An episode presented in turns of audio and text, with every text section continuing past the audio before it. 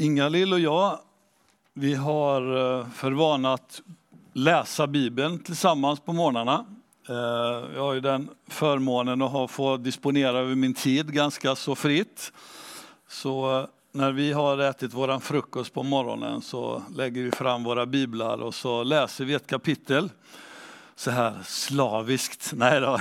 Men vi läser, vi läser ett kapitel om dagen, försöker. Och nu har vi plöjt igenom alla Moseböckerna. Och det var riktigt eh, hemskt och tråkigt att gå igenom vissa tunga bitar och det stammar och släkttavlor och det namn och det platser och det krig och det allt möjligt som händer och det både upp och ner och ni vet. Och vi, vi ska läsa varje ord tänkte vi, så vi har gjort det. Eh, inte hoppat över ett enda litet konstigt namn utan försökt att stava allting. Så. Eh, och eh, under, de senaste, under den senaste veckan då, så har vi vi har inte plöjt igenom alla fem böckerna, vi har plöjt igenom fyra böcker och vi är på femte Moseboken nu, Inga-Lill och jag. Och Eh, jag kommer läsa väldigt mycket ur Bibeln idag. Så har du din Bibel med dig så ta upp den. Har du din mobil och läsa där så gör det. Om inte du har din Bibel med dig, det kanske ligger någon Bibel framför dig i facket. Eh, för jag kommer, jag, jag kommer lyfta upp fram en del saker som, som vi har läst under de här senaste, den här senaste veckan, Inga-Lill och jag, som eh, jag har blivit berörd av. Det här är Gud som talar till oss, talar till mig och som Herren vill tala till oss också som, som församling. Eh, och, och, när man menar de här Moseböckerna de heter lite olika. På latin så heter de ju så mycket som eh, eh, Genesis och Exodus och eh, Leviticus, Numerus och så den fjärde Deuteronomius då, som egentligen betyder, för den, betyder den andra lagen. Men eh, judarna kallar inte, eller hebreerna, hebreernas namn på femte Moseboken är inte Deuteronomium utan det är Hadebarim. Hadebarim och det betyder orden. För att eh, femte Mosebok börjar ju med eh, följande ord. Då. Det, det står så här. Eh, Detta är det ord som Mose talade till hela Israel på andra sidan Jordan, i öknen, på hedmarken mitt emot Suf, mellan Param och Tofel, Laban, Haserot och Di Sahab. Och så beskrivning på vart de är. Då. Så den här boken börjar med, det här är de här orden som Mose talar till folket. Och eh, den femte Moseboken är ju mycket av en sammanfattning av allt det som de har varit med om som folk och vad Gud har gjort med Israels folk. Och, eh, och så är det ju, finns mycket alltså repetitioner där. Vill man få en hel sammanfattning på Moseböckerna så läs eh, femte Moseboken. Du kommer dock missa skapelsen och fram till uttåget. Men Mose har nu lett folket i, i 40 år. Han har lett dem ut ur slaveriet, ut från Egypten och de har eh, följt honom, de har vandrat där hela den här tiden. Och Mose han vet själv att han, att han själv inte kommer att komma in i det här landet som Gud har, har lovat. Eh, men eh, nu ska han tala till folket och vad är det man säger till någon liksom, när det är dags för skifte eller dags för avsked eller dags för någonting nytt. Eh, nu Han vet att han lämnar dem, han blir kvar och de går vidare. Och vad är, det, vad är det man säger till folket? Jag tänker mycket på det här är sista söndagen på 2019. Jag funderar ett tag på vad är det jag ska säga till er vad är det för kloka ord jag kan förmedla till er den här dagen? Eh, och så bara har liksom, det bara jobbat inom mig, de här orden som Mose gav till folket. Eh, och han, han, han, gör ju en, en historisk tillbakagång, eller tillbakablick. Men han, han talar också om det som är bra och det som är dåligt. Han talar vad, som, eh, vad folket ska göra för att det ska gå dem väl och han talar om vad folket inte ska göra för att det inte ska gå dem illa. Ehm, och i hans tal då så börjar han med att säga till dem att Eh, i den här tillbakablicken från kapitel 1, och jag kommer hoppa fram och tillbaka, det blir mycket bibelläsning och, få, och några få kommentarer, men jag, jag, hoppas att ordet ska få tala till oss lite grann också. Inte bara lite, utan mycket. Ta bort lite grann. Eh, I kapitel 1 och vers 21 så säger Moses så här, ni ska inte bli förskräckta och inte vara rädda för dem. Och han talar ju om det som Gud hade sagt till dem när de skulle kommit in i det som Gud hade lovat första gången. Då. Herren er Gud som går framför er, han ska själv strida för er alldeles som han gjorde för er i Egypten inför era ögon. Och i öknen där du såg hur Herren din Gud bar dig då som en man bar sin son hela den väg ni vandrade tills ni kom till denna plats. Men trots detta så trodde ni inte på Herren er Gud. Och det är ganska märkligt hur, hur Mose liksom, han säger, ni har varit med om så otroligt mycket. Och trots det så tvivlade ni.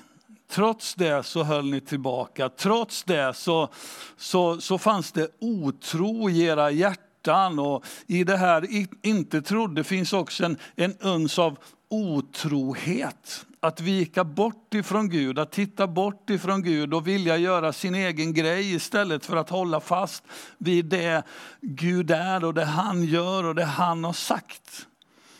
Och konsekvensen blev ju för dem att de inte fick komma in på en enda gång i det som Gud hade lovat. Utan de fick irra runt i 40 år i öknen och hela den generationen eh, av, av eh, icke troende så att säga, eller trolösa, de, de fick fejda bort för att något nytt skulle komma in. Och det, och det är precis som att, att, att det Gud gör är att han säger att otrohet, eller otron måste bort.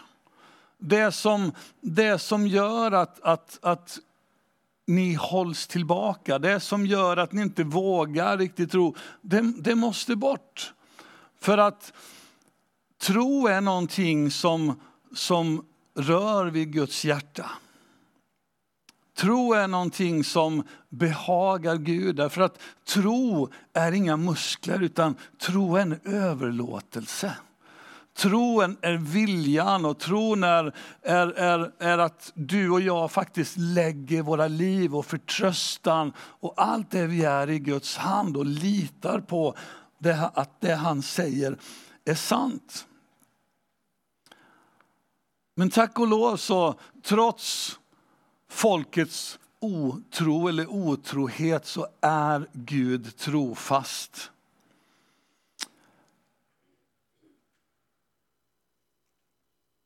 I eh, det andra kapitlet och den sjunde versen så säger Moses så här, ty Herren din Gud har välsignat dig i allt du har företagit dig. Och han har tagit hand om dig under din vandring i denna stora öknen. Och i dessa 40 år har Herren din Gud varit med dig och ingenting har fattats dig. Och det, bara en sån grej. Gud han har funnits där. Det var han som öppnade vägen genom eh, Röda havet, men då var de ju på väg att erövra. Men sen hände ju allt det där som inte skulle hända. Men Gud gav dem vatten, han gav dem mat. Det står i psalm 107 att, att eh, deras skor, slet, skor slets inte ut, deras kläder nöttes inte ut. Utan Gud fanns där hela tiden. Och, och, I Nya Testamentet kan vi läsa, jag bara läser det för dig, från andra Timoteus 3 och 13. Det står så här, är vi trolösa så förblir han trofast.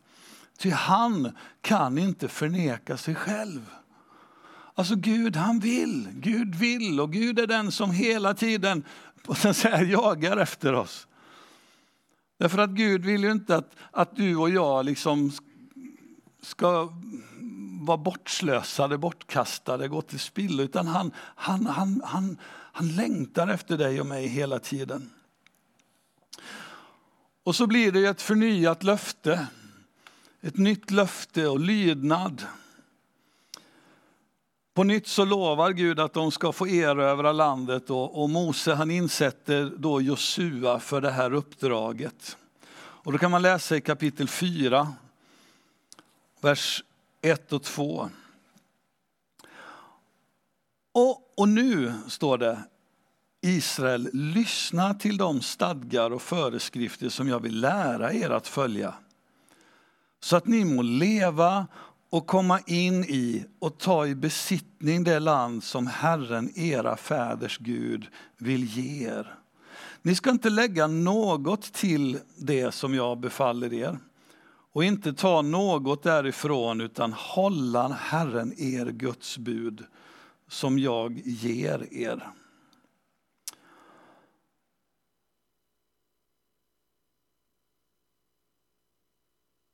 Och, och, och, Gud talar till dem genom Mose här och säger att, att um, lyssna, till, lyssna till ordet. Lyssna till, det, lyssna till det jag sagt.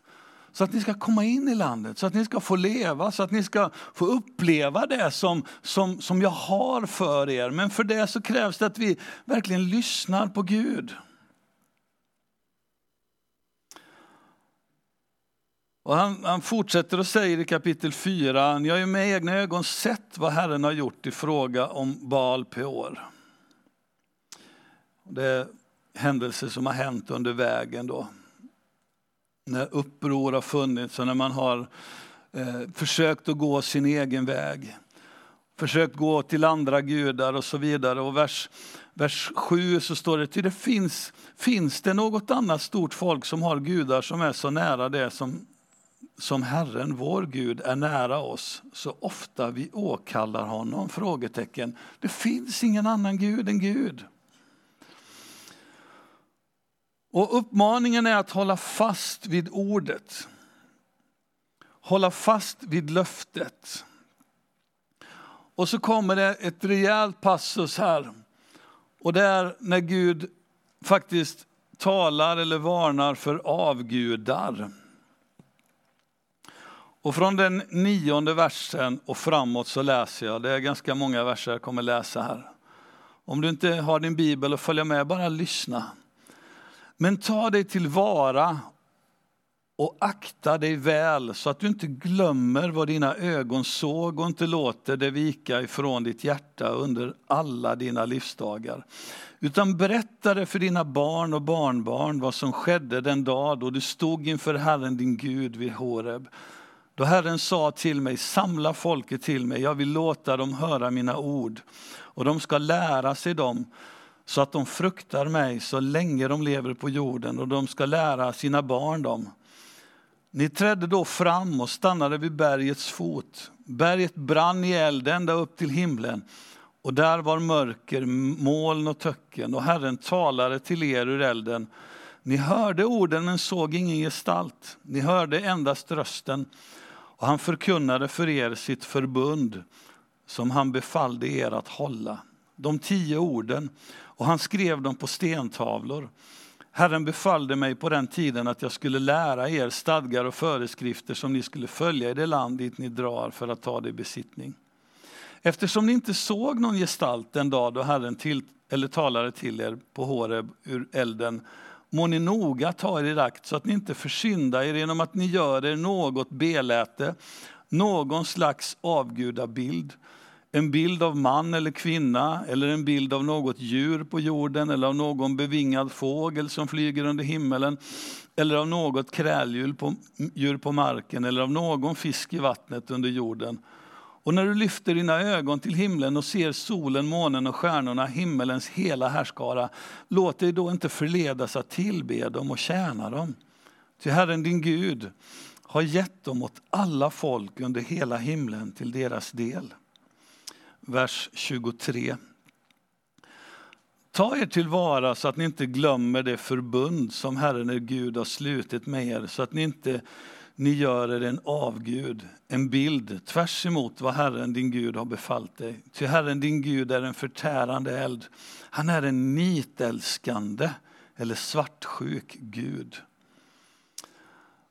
När du har fött barn och barnbarn och ni har bott länge i landet, om ni då försyndar genom att ni gör er en avgud, en slags bild och därmed gör det som är ont i Herrens ögon och väcker hans vrede, då tar jag himmelen och jorden till vittne mot er att ni snabbt kommer att utrotas ur det land dit ni nu går över Jordan för att ta det i besittning. Ni kommer inte att leva där länge utan ni kommer helt förgöras.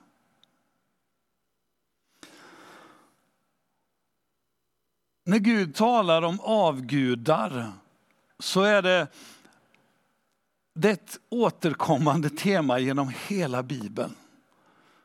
Och ofta kommer det i uttrycket om att, och bilden mot, av en otrogen hustru som inte har varit trogen mot sin man. Och det Gud, han, han liksom, Guds hjärta är, mitt barn, jag har gjort allt för dig. Jag har gett allt mitt till dig. Jag älskar dig med allt vad jag är. Jag har skapat dig, jag vill ditt bästa. Kom. Och Guds hjärta är, jag är så svartsjuk och jag vill inte dela dig med någon annan. Så när du och jag gör oss avgudar på olika sätt. Avgudar kan vara så många olika saker. Ni kan hjälpa mig att fylla på listan, men avgud kan vara arbetet. Avgud kan vara pengar. Avgud kan vara eh, olika former av intressen. Avgudar Alltså, det kan vara så många olika saker när det tar Guds plats och blir viktigare än vad Gud är. Då blir det en avgud. Vi behöver arbete, vi behöver pengar, vi behöver fritid, vi behöver ha olika intressen. Vi, behöv, vi behöver alla de här sakerna för att livet ska fungera. Men när de skiftar plats och det blir någonting de inte ska vara, då är det en avgud i våra liv. Det blir någonting som, som, som tar Guds plats i våra liv. Och, och, och när vi fortsätter och läser eh, in i kapitel 7 till exempel, så är Gud så noga med det här. Kapitel 7 och, ska se här. Ja, ni, ni kan, det är lite verser här och var, men Gud är så noga och säger till och med att du ska inte sluta förbund med, med, med folket där. Du ska inte gifta dig med dem. Du ska bryta ner eh, tillbedjansplatsen och ut, alltså, ta bort all de, de sakerna för att det inte ska förleda dig. Därför att det blir en snara, därför att det är lätt att det skiftar plats och Gud inte blir den första, den, den främsta, den högste och den viktigaste och den som faktiskt talar in i era liv. Det är vad han säger till folket.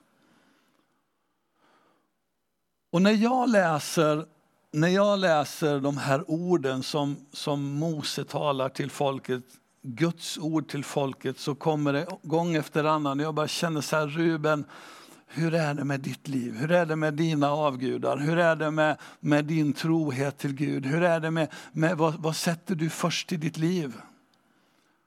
Och återigen, det är inte så att inte vi behöver de andra sakerna, men, men vissa grejer så behöver vi bara liksom, det ska inte finnas. Därför att Gud är först. Och det står till och med i kapitel 7 där att du ska inte begära till deras silver och deras guld som finns på, på avgudarna och inte själv ta något av det så att du inte blir snärjd av det. Så att sätta Gud först är så viktigt i våra liv. Därför att det finns välsignelse i det och det finns välsignelse av det. Och så kommer budorden. Jag hoppar in i kapitel 7 lite, men jag är tillbaka på kapitel 5 nu igen. Hoppas du hänger med. Och budorden upprepas. Jag är Herren din Gud.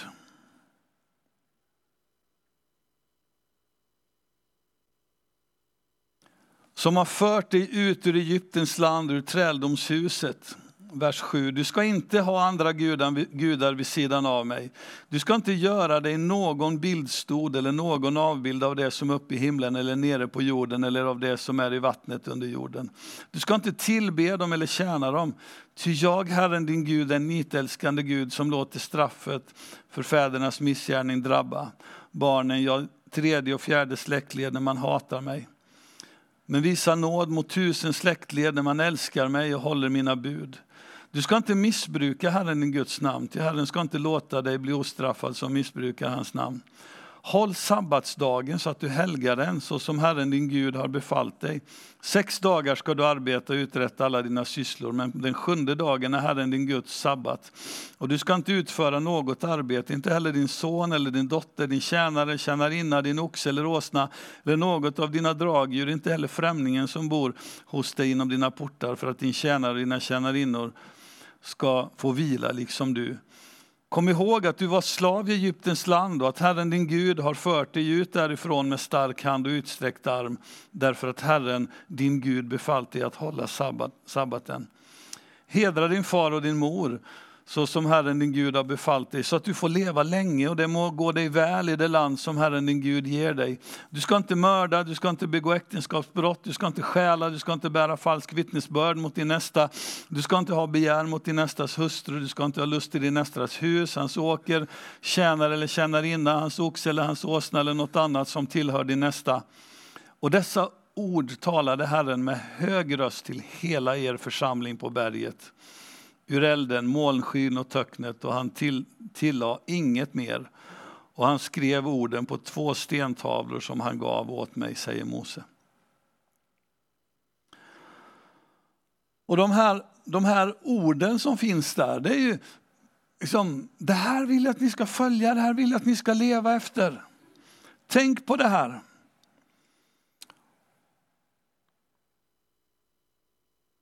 Och den 29 versen står det så här, om de ändå hade, hade sådana hjärtan att de fruktade mig och alltid höll alla mina bud, då skulle det alltid gå väl för dem och deras barn.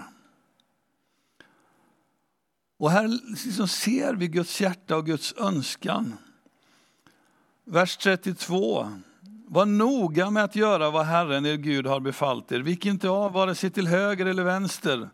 Den väg som Herren er Gud har befallt er att gå ska ni alltså välja så att ni får leva och det går er väl och, och, och, ni får ett långt liv i det land som ni ska ta i besittning.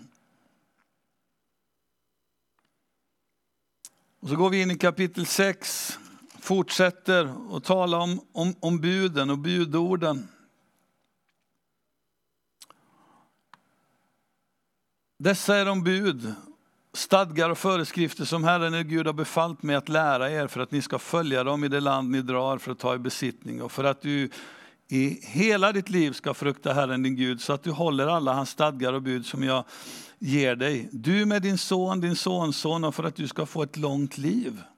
Du ska lyssna Israel och vara noga med att följa dem för att det ska gå dig väl och ni må bli mycket talrika så som Herren dina fäders Gud har lovat dig i det land som flödar av mjölk och honung. Hör och Israel, Herren vår Gud, Herren är en och du ska älska Herren din Gud av hela ditt hjärta, av hela din själ, av all din kraft. Och dessa ord som jag idag ger dig befallning om ska du lägga på hjärtat och du ska inskärpa dem hos dina barn. Tala om, tala om dem när du sitter i ditt hus och när du går på vägen, när du lägger dig och när du stiger upp och du ska binda dem som ett tecken på din hand. Och de ska vara som ett band till påminnelse på din panna och du ska skriva dem på dörrposterna i ditt hus och på dina portar. Och det, det är så viktiga saker att, att inskärpa Guds ord i barnen, inte minst. Ibland så är vi så upptagna med så mycket annat och tänkte att ah, barnen orkar inte och nej, de behöver inte gå i kyrkan och det är mycket andra aktiviteter. Men vi gör oss själva och framförallt om en björntjänst. Vi behöver lära den unge vägen han eller hon ska vandra. Att få, få ge Guds ord till våra barn och att också vara en del i gudstjänstlivet och låta barnen få forma den gudstjänsten. Och låta den unga generationen få inte bara vara en framtid utan som vi brukar säga till våra tonåringar, ni är församling. Ni är inte församlingens framtid, ni är församlingen. Och påminna oss om Guds ord gång efter annan. Därför att det finns, det finns välsignelser av att vandra med Gud. Det finns välsignelse i kapitel 7, vers 12 till, till 15 står det så här. Och du som undrar hur länge jag håller på, jag ska strax landa. Eh, det står så här, om, om, om ni nu hör dessa föreskrifter och håller fast vid dem och följer dem, så ska Herren din Gud hålla fast vid sitt förbund och sin nåd som han med ed har lovat dina fäder. Han ska älska dig och välsigna dig och föröka dig. Och han ska välsigna din livsfrukt och din marks frukt, din säd, ditt nya vin och din olja, din nötboskaps avkomma och din småboskaps avel i det land som han med har lovat dina fäder att ge dig. Du ska bli välsignad framför andra framför alla andra folk. Bland dina män och kvinnor ska ingen vara ofruktsam, ej heller bland din boskap. Och Herren ska låta varje sjukdom vika ifrån dig.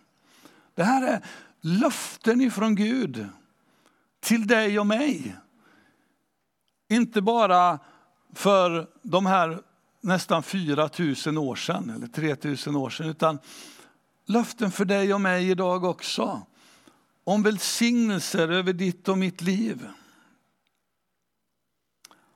Och det är väldigt viktigt att du och jag förstår det som, att, att det är Gud som är källan för kraft och ork, att Gud är källan för att kunna förvärva rikedom. Det är ett av orden som står här i sammanhanget också. I kapitel 8 eh, så står det så här i den sjuttonde versen. Du ska inte säga i ditt hjärta, min egen kraft och min hands styrka har skaffat mig denna rikedom. Du ska komma ihåg Herren din Gud, till det är han som ger dig kraft att förvärva rikedom. Därför att han vill upprätthålla det förbund som han med har slutit med dina fäder så som det är idag. Och vi behöver förstå att det är honom som vi lever och som vi rör oss och är till. Det är han som ger oss kraft att gå upp varje dag. Det är han som ger oss kraft att stämpla in på klockan, eller på att säga. Det är han som ger oss kraft att kunna arbeta för att vid månadens slut faktiskt få en lönecheck på vårt konto. Det är Gud som ger oss den kraften. Och det är han som behöver äras för det, det är han som behöver tillbes för det, det är han som behöver få all tack för detta. Ja, men det är väl jag själv som gör det. Du arma människa, du förstår inte någonting om du säger så. Det är Gud som ger oss kraft, det är Gud som, som ger oss allt.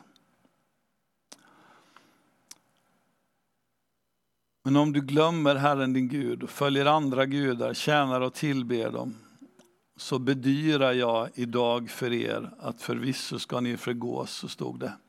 Och det här ordet förgås är ju Eh, på engelska har man översatt det till vanish. Som bara som försvinna, fejda bort. Och, och, och, när, jag, när jag läser de här kapitlen som jag läst i, i Moseboken, femte Moseboken, så, så förstår jag Gud, du vill mig så väl och jag är så korkad. Gud hjälp mig att bara inse hur korkad jag är och att jag behöver komma till dig gång efter annan. Och jag satt i, i bänken här innan så bara kom, drogs jag till minnes när Inga-Lill och jag pluggade på Missionsskolan vi kommer ju både, Inga-Lill och jag, från familjer, eller våra föräldrar har inte haft några stora tillgångar så ekonomiskt, utan pastorsfamiljer, många barn. Och, och vi började tidigt också. Uh, och så gick vi på missionsskolan och så tog vi så här, uh, vad heter det, uh, studielån. Dels fick man ju en del och så tog man ju lite, lite extra då, för vi behövde det. Och jag minns så väl när de där pengarna kom och det fanns på kontot och så kände man så här, ah, nu är allt bra. Och sen så hände det en massa saker och tiden gick och sen så, det är ju svårt sen när man får en klumpsumma, eller hur? Så här, som ska räcka i x antal månader och sen när det där kvartalet börjar gå mot sitt slut och man kollar på saldot och det var mindre och mindre. Jag kommer ihåg att jag, jag valde att ta eh, kredit på banken, 10 000 var det. Och ibland så låg vi på minussidan. Och vet ni vad vi gjorde då? Då började vi be, vilket vi inte hade gjort i början på kvartalet. Inte på det sättet. Och vad jag menar med det var att i början på kvartalet så litade vi på numren som fanns på kontot. Och det kändes så bra, jag klarar mig och jag är så duktig Åh, åh vad mycket jag har. Men sen när kvartalet var slut så förstod vi att vårt beroende var egentligen till Gud och inte till CSN. Det är Gud som är den som faktiskt kan, kan göra de här sakerna på riktigt. Det är Gud faktiskt den som, som, som kan mätta oss på rätt sätt. Och det är Gud, det är honom vi behöver vända oss till. Och Gud har gjort så mycket mirakel, så många mirakler i våra liv på, på det ekonomiska området så man blir så här bara wow. Hur, hur, kan det, hur kan det ens hända? Och Bibeln talar om, om välsignelse och eh, förbannelse. Och jag skulle vilja förklara det här lite för dig när jag landar här. Välsignelse det har mycket med, med eh, alltså framgång att göra, att, att vara prosper, att vara framgångsrik, att, att det går bra. Det är det som Bibeln talar om när, när Gud säger att han vill välsigna oss. Att det går bra för oss. Det betyder inte eh, framgångsteologi. Ta inte, liksom, ta inte fel på det. Okay? Men det betyder att, att det ska gå bra för oss. Att, det, att, att Gud finns där, att, att Gud, Gud är med oss. Han är med oss både i berg och i dalarna. Gud finns där. Även om jag vandrar i dödsskuggans dal så, så, så är din käpp och stav där. Du tröstar mig. Okej, okay? Gud finns med, det, det är välsignelsen. Det finns också eh, överflödig välsignelse, men det är inte att förväxla med framgångsteologin om att bada i pengar och liksom, att det är det som är välsignelsen. Okej? Okay? När vi tar det andra ordet då, som, eh, när det talas om förbannelse, så är det ett ord på hebreiska som, som står det har en rot som är kelala och det betyder egentligen att bli lätt. Och hur ska man förstå det här? Jo, Guds närvaro och Guds härlighet, det är ett ord på hebreiska som, som heter kavod. Och det ordet, Guds, Guds härlighet, den, kan också översättas med en tyngd. Alltså en, en tyngd som en, en konung har, wow, det, det där var tungt liksom. Den personen är, den är, wow, är ni med? Den tyngden, så här bara, wow, det här är en, en, en tungviktare som kommer nu. Det är kavod. Samtidigt så kan man uppleva Guds närvaro som en, alltså en, en tyngd men som är positiv. Och när Guds närvaro och välsignelser inte finns där, vad blir det då? Då blir det kalala. Hänger ni med? Och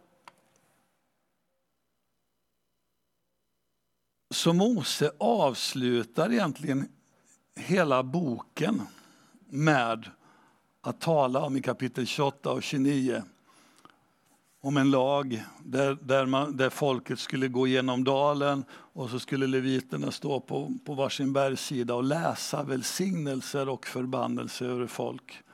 Där de säger så här, gör, går ni utanför Guds beskydd, då händer det här. Går ni med Gud, då händer det här. Välsignelse och förbannelse. Välsignelser eller inte välsignelser. Och så slutar Mose, jag vill bara läsa det för er. Och du får jättegärna bara sluta dina ögon om du vill. Så där Mose han, han, han läser ur en sång som han troligen har skrivit. Moses sång heter den. Och så här säger han.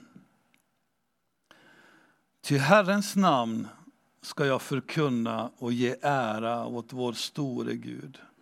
Han är klippan, fullkomliga är hans gärningar, till alla hans vägar är rätta. En trofast Gud utan svek, rättfärdig och rättvis är han. Till Herrens del är hans folk, Jakob är hans arvsdelslott. Han fann honom i öknens land, i ödsligt, tjutande ödemark och han omslöt honom och tog honom i sin vård. Han bevarade honom som sin ögonsten. Liksom en örn väcker upp sitt bo och svävar över sina ungar, så bredde han ut sina vingar och tog emot honom och bar honom på sina fjädrar. Till Herren ska ta sig an sitt, sitt folks sak och förbarma sig över sina tjänare när han ser att deras kraft är borta och att ingen finns kvar, varken slav eller fri. Se nu, jag, jag är Gud. Det finns ingen Gud vid sidan av mig. Och det är här, när Herren eller Mose välsignar folket i sista kapitlet som vi finner de här orden. Bland annat. Av järn och koppar ska dina reglar vara och som din dag, din kraft. Eller du kanske känner igen dem som som din dag skall din kraft och vara ifrån sången. Och vad jag vill säga till dig min vän idag, mycket har jag sagt och här säger jag. Gud vill dig väl. Och min önskan och min dröm det är att både du, du och jag får faktiskt vara under Guds beskydd, att vi får ställa oss där under Guds paraply, att vi är under Guds välvilja, under Guds kavod, Guds välsignelse. I och med att vi lyssnar till hans ord, håller hans bud och gång efter annan frågar helig ande visa mig. Hur ska jag göra? Hur ska jag göra? Hur ska jag gå? Vad ska jag göra? Och jag skulle vilja att vi nu till avslutning här att vi bara tar en stund och ber tillsammans. Du kanske kan leta upp antingen din man eller hustru, din vän eller din, någon som är nära dig som du vill be tillsammans med. Någon som är i närheten av dig som du bara vill bara be.